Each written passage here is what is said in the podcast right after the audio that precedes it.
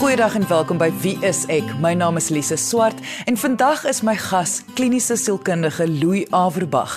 En ons gaan praat oor die egskeidingssyfer in die wêreld, maar kom ons maar hou maar by Suid-Afrika.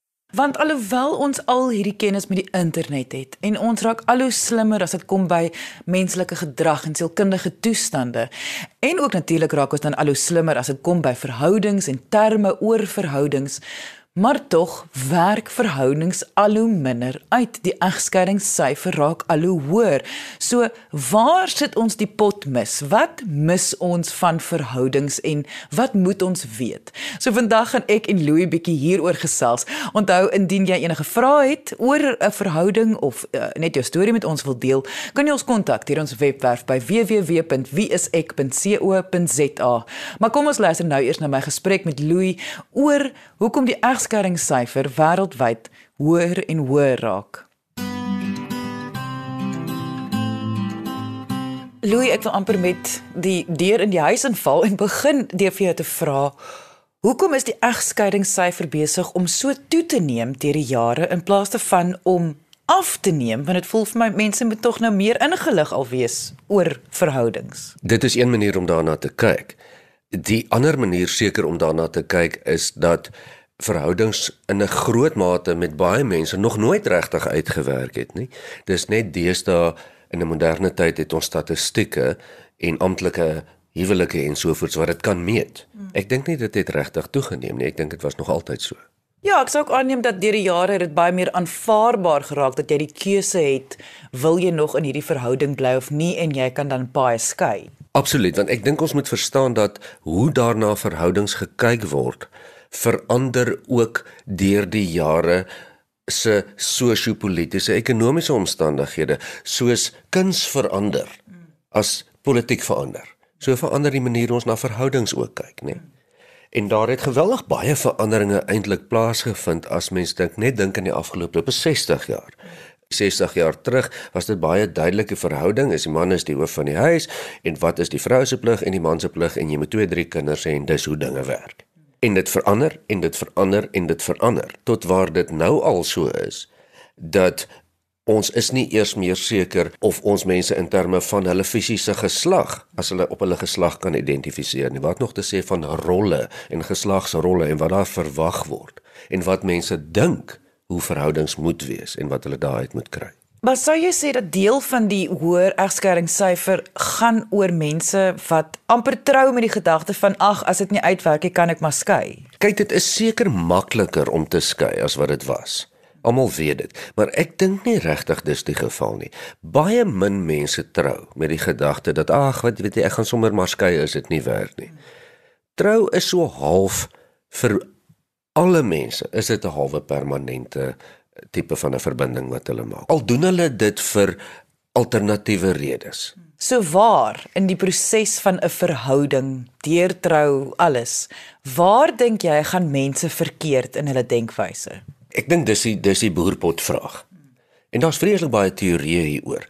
Kyk, ons ons kan baie maklik sê dat as mense al 'n ruk in 'n verhouding was en dit gaan dan verkeerd, dan weet ons gewoonlik wat dit veroorsaak en wat dit kan neem om dit reg te maak. En dit lê gewoonlik in die kommunikasie van konflik. Maar waar mense dan waarskynlik denkfoute maak en ons almal doen dit van die begin af is nog voor jy die persoon ontmoet het met wie jy éventueel trou. Dit wat in jou gedagtes bestaan van a ah, hoe 'n persoon moet wees en wat jou verwagtinge is. Nou kom ons begin by hoe die persoon moet wees. Niemand dink daaraan nie. Niemand sê luister, as ek 'n persoon ontmoet, wil ek hê die persoon moet so, so en so wees voor ek enigsins gaan belangstel nie. Nee, dis nie wat mense sê nie. Hulle sal gewoonlik weet wat hulle soek in sekere eksterne eienskappe. Ja, en ook sodanige interne eienskappe. Maar gewoonlik ontmoet mense 'n ander persoon. Hulle hou van die persoon. Baie keer is maar net fisiese aantrekkingskrag. En die persoon lyk daarom so min of meer of hulle inpas in die algemene verwagting. Dis daarom nie iemand wat wat jou vloek en skel en slaan nie en dit lyk daarom asof die persoon uh, duidelik sin praat en min of meer daarom dieselfde goeters hoor en dink as wat jy sê. Ah, ek sal maklik vir hierdie persoon kan liefraak. En dis waar fout nommer 1 inkom. Want mense toets dan nie hulle potensiële maats in terme van hulle nie onderhandelbare voorwaardes nie. Dis die heel eerste punt en almal het daarin nie onderhandelbare voorwaardes. Hulle dink die persoon voldoen daaraan, maar hulle voldoen nie regtig daaraan nie. Of omdat hulle verlief is, kyk hulle dit nou maar eers mis en hoop dit sal later dalk uitgesorteer word. Hierdie is 'n baie belangrike punt wat jy maak, nie onderhandelbare voorwaardes. Wat presies is dit in 'n gewone mens se lewe? Nie onderhandelbare voorwaardes is daardie ding wat jy mooi oor moet dink, wat jy nie bereid is om mee saam te leef met 'n persoon of in 'n persoon in 'n langtermynverhouding nie, of dit nou reg of verkeerd is maak nie saak nie. En snaaks genoeg dis ook 'n punt waar baie mense vassit.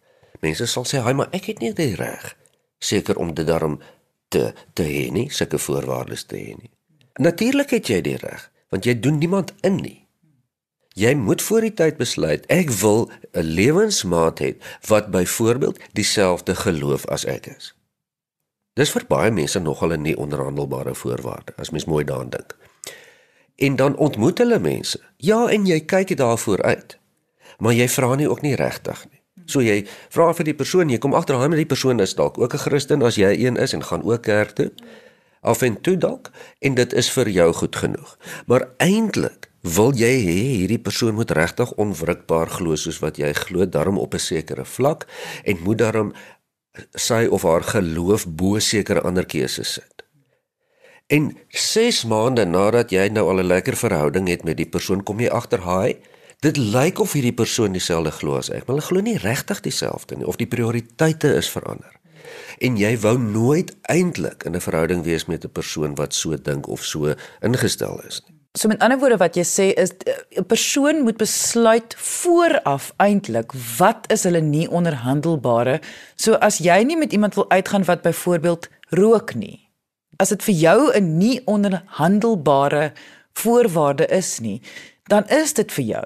Maar Absoluut. Ja. Nee, dit is heeltemal reg want dit is jou volste reg. Jy kan sê ek wil in my lewe nie met 'n vrou trou en sy sy 6 en 'n half voet lank is en rooi hare het nie. Hmm. Dis jou volste reg. Want as dit regtig nie onderhandelbaar is, gaan jy oor 2 jaar nie tevrede wees met die blonde vrou wat net 6 voet is nie. Dis nou die goue reël. Is 'n nie onderhandelbaar, gaan jou later in die voet skiet as jy ja. dit nie gaan nakom nie. Ja, want wat gewoonlik dan gebeur is dat die argumente wat later ontstaan omdat jou nie onderhandelbare voorwaardes totaal heeltyd oorskry word, is die argumente word dan 'n pogings wat ons mekaar wil laat verander om te dink soos wat ons dink. Want dis al alternatief wat oorbly. Jy luister na Wie is ek op RCG 100 tot 104 FM. Maar dan moet mens ook uitlig, daar is ook onderhandelbare voorwaardes. Daar is onderhandelbare voorwaardes. En ek glo vas dat as mens jou huiswerk voor die tyd doen, dat jy baie baie van die persentasie van egskeiding kan afbring. Om jou huiswerk te doen van jou onderhandelbare en nie onderhandelbare voorwaardes. Jy kan nog met iemand 'n 'n debat voer om te sê sê ons kan ons nie daarom as ons praat van kinders 3 kinders hê in plaas van 2 nie. Maar om kinders te hê of om nie kinders te hê nie is vir baie mense onder nie onderhandelbaar nie. En dis wat jy moet weet. Hier is 'n paar feite wat dan inskop op daardie oomblik wat ons nie wil weet nie. Een is dat liefde is blind. Daar's 'n rede daarvoor, anders was almal lief vir dieselfde persoon, nê? Nee. Hier is die ander voorkoms en dit is dat verhoudings het rakleeftydperk. Ons het hierdie konsep van hierdie permanente verhouding van vir altyd en vir ewig en selfs daardie definisie het verander. Deesdae sê ons man ons trou en ons beloof lojaliteit totdat ons nie meer partners is nie. Voorheen was dit tot die dood ons skei. En ons verwag as jy op 25 trou dat teen die tyd dat jy 55 is, dat daardie persoon nog dieselfde persoon moet wees wat jy 30 jaar terug getrou het. Dit werk nie. Gekoppel met die verwagting wat ons in daardie arme een persoon dan nou sit. En dit doen ons almal met mekaar. Ek trou met jou of jy is my lewensmaat en nou gaan jy die volgende vir my doen. Jy gaan my vriend wees, my beste vriend. Ek gaan alles met jou kan bespreek. Jy gaan altyd mooi na my moet luister en vir my eerste sit. Jy moet nou nog sommer my seksuele uh, uh, uh, uh, perfekte maat wees. Uh, dan moet jy nog na my kyk in my beste belange. Jy moet nog 'n fantastiese ouer wees vir ons kinders ensovoorts ensovoorts. Wie kan dit regkry? Niemand kan dit regkry nie. En die teleurstelling wat dan kom na al die jare of na selfs 'n paar maande van o hemel. Hierdie is nie die mens met wie ek getrou het nie. Dit is die mens met wie jy getrou het. Jy het net nie daardie persoon geken nie. Ek dink die maklikste sal wees om hierdie net gou om te swaai. Daar is verhoudings wat werk. As ek nou sê werk, sit ek dit tussen aanhalingstekens. Mense trou, hulle bly vir 60 jaar saam. Iemand sterf, hulle is vir ewig saam. In menslike terme. Wat doen hulle reg?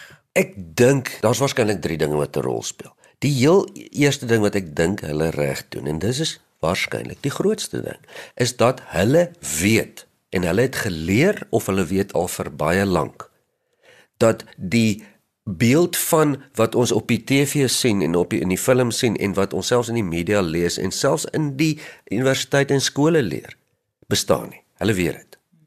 Dit werk nie so nie. Dit gebeur nie en dis ongelukkig nie so romanties soos mense dink dit is nie. En dus daarmee saam is hulle bewus min of meer van wie hulle is en wie die ons is.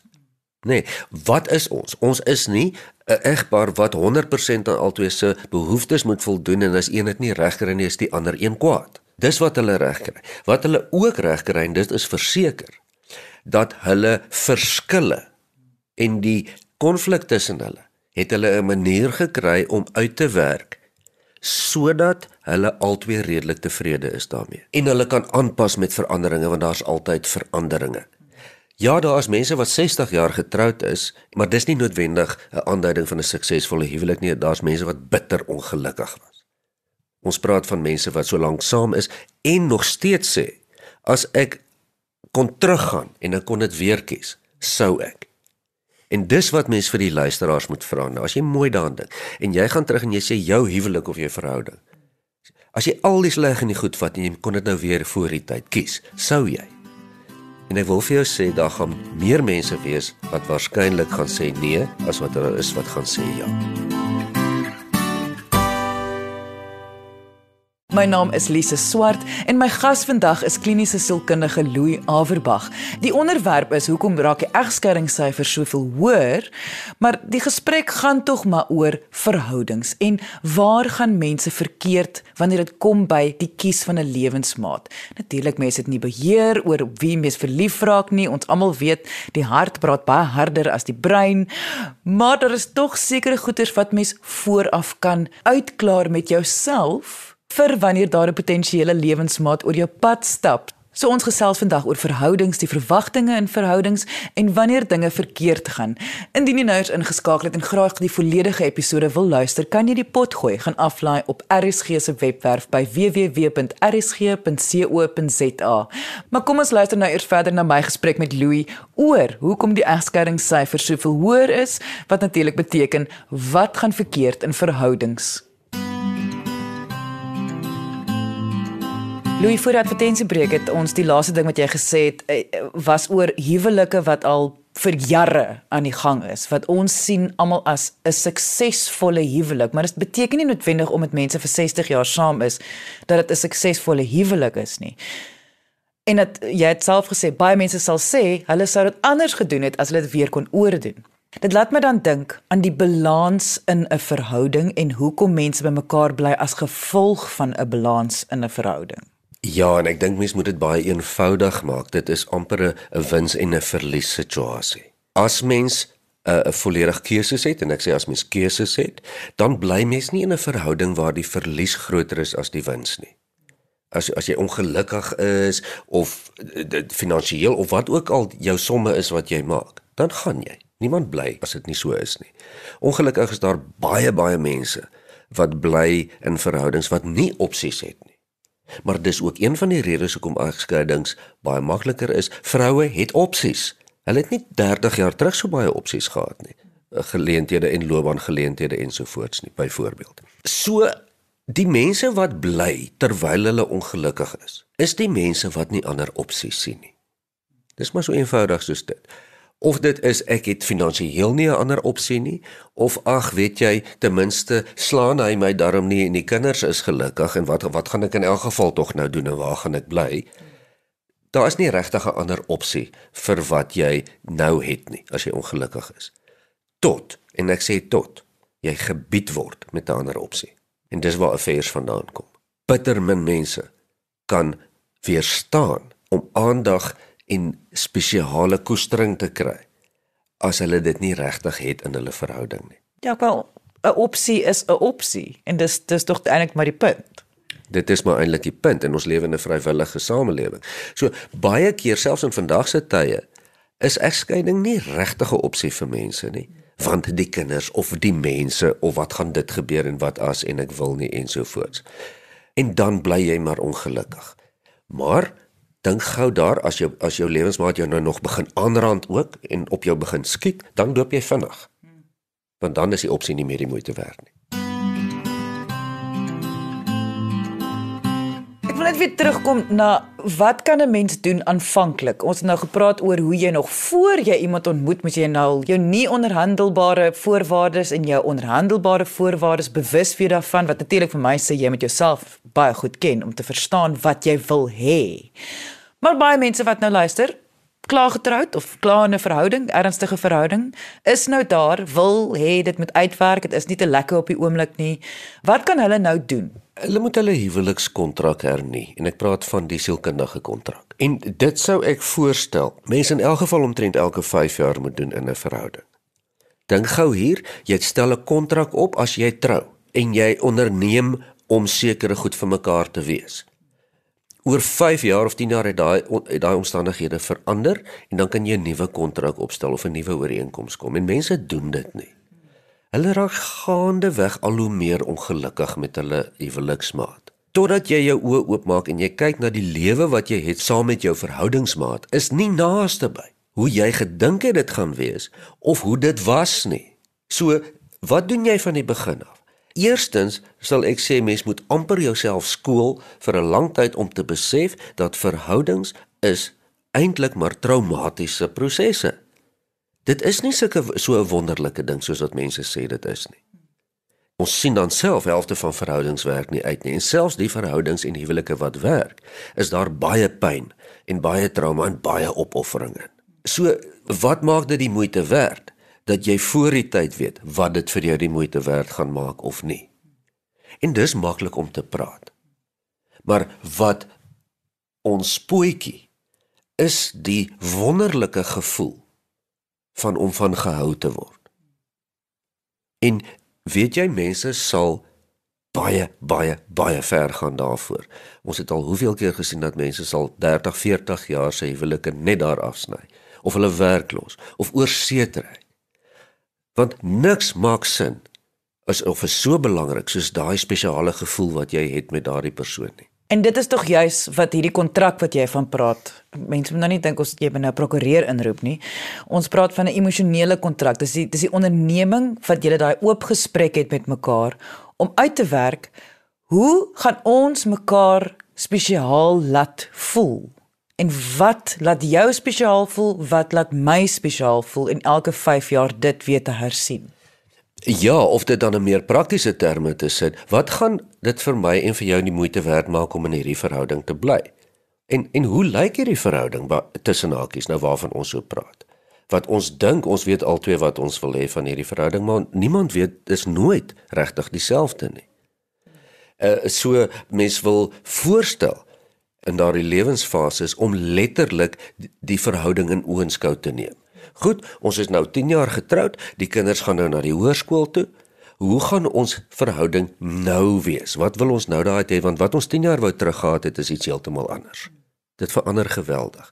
Maar ons verwag van mekaar om al daardie funksies te te verrig wat hulle self nie eers weet eintlik wat dit is nie of ons ook nie en dan is ons bitter bitter ongelukkig met die mense as hulle dit nie vir ons doen nie. En dan wil ons baie baie kwaad wees want hulle dink nie soos ons nie. Daai lewensmaat wil nie verstaan hoekom jy nie nou op hierdie vakansie kan gaan nie. Jy luister na Wie is ek op RCG 100 tot 104 FM. En dis natuurlik wat jy die meeste wat jy sien omtrent verhoudingsmaats dag in en dag uit. Dis wat jy natuurlik die meeste sien is daardie kommunikasiegaping tussen twee mense. Want ek dink mense is altyd maar onder die illusie dat hulle ken hulle verhoudingsmaat as hulle 30 jaar saam was. Maar ek weet jy al hoor sê dat mense ken eintlik mekaar nie. Nee, en dit is dalk die absolute aanname wat jy kan maak al klink dit hoe vreemd. Ek beloof jou, jy ken nie jou lewensmaat nie, nie regtig nie. Jy dink jy doen en natuurlik is daar baie goed wat jy weet. En ek glo dalk jy ken jou lewensmaat die beste van alle mense wat daar is. Natuurlik. Maar as jy mooi gaan dink en jy moet gaan sê hoe jou lewensmaat dink oor goed, wat jou lewensmaat eintlik graag wil hê, hoe jou lewensmaat eintlik dinge sien, dan kan ek jou waarborg, jy gaan die pot mis sit omtrent 30-40% van die tyd ten minste. Wat bied verhoudingsterapie vir verhoudingsmaats? So verhoudingsterapie is daar om vir jou voor die tyd mooi te laat help verstaan. Wat wil jy nou eintlik hê? En wil jy nou eintlik regtig hierdie persoon hê? En as jy dan doodseker is jy wil hierdie persoon hê en dis nog 'n ander ding, die ander persoon wil jou ook regtig hê. Wat moet julle dan doen om hierdie uiters moeilike proses wat eintlik nie baie goeie kans het nie, 'n goeie kans te gee? Julle wil trou of julle wil saam wees, kom ons maak seker van die realiteite, want wat julle dink is met rooskleurige blare gevul, soos wat dit moet wees. Dis nie hoe dit is nie. Kom ons kyk dan presies met wie het jy te doen hierso. En dan besluit jy eers of jy dit wil hê. Daarna sal ons begin omgee en bekommerd raak oor hoe gaan julle hierdie ding aan die gang hou. Maar eers moet jy seker wees jy wil. En as jy klaar in die huwelik is en daar is probleme en jy sukkel om dit uit te sorteer en dis gewoonlik 'n vaardigheid, dis redelik maklik dan help ons om om dit uit te sorteer. En dis wat ons met huweliksterapie en en egbaarterapie baie keer sien. Die kere wat dit nie werk nie, is wanneer die mense nie regtig wil nie. Hulle wil nie regtig aan die verhouding werk nie. Hulle is kwaad vir hulle uh, lewensmaat. Hulle het ongelooflike hatige gevoelens teenoor hulle lewensmaat. Hulle wil nie met hierdie persoon in 'n huwelik wees regtig nie, want hulle het geen keuse nie. Of hulle dink hulle het geen keuse nie. En dis dan waar die huweliksterapie nie werk nie. Dis ook 'n deel van die terapie. So eintlik waar dit dan gaan oor wat ek dink in die algemene volksmond sal bekend wees as as as uh, huweliksterapie of lewensmaatterapie waar die twee kom en sit by die sielkundige of die span sielkundige is. Is gewoonlik dan ongelukkig 'n reaktiewe proses baie keer waar ons moet goed vure doodslaan mm. en planne maak vir die toekoms. En selfs as daar nie probleme is, die mense gebruik terme soos huweliksverryking of of 'n lekker investering in hulle verhouding. Dis die heel lekkerste en die heel maklikste. Maar waar strukture eintlik lê, lê in twee mense wat uit eie keuse bymekaar gekies het om te wees, wetende dat die ander persoon kan nie naasby aan al hulle behoeftes voldoen nie, wetende dat verhoudings is nie noodwendig beter of meer gelukkiger as om op mense eie te wees nie. En dan mense wat nie daardie diep verwagtinge van mekaar het nie. Dis waar ons grootste fout maak in die samelewing druk dit ongelooflik. Ek het dit al baie gehoor. Ek lees in die tydskrif, sy het vir so en so ontmoet, sy het geluk gevind. Wat 'n term is dit nie? En dis ongelukkig die konsep van verhoudings wat in ons gesig gedruk word. Maar dit beteken nog steeds nie dit kan nie gered word mits albei regtig regtig wil nie.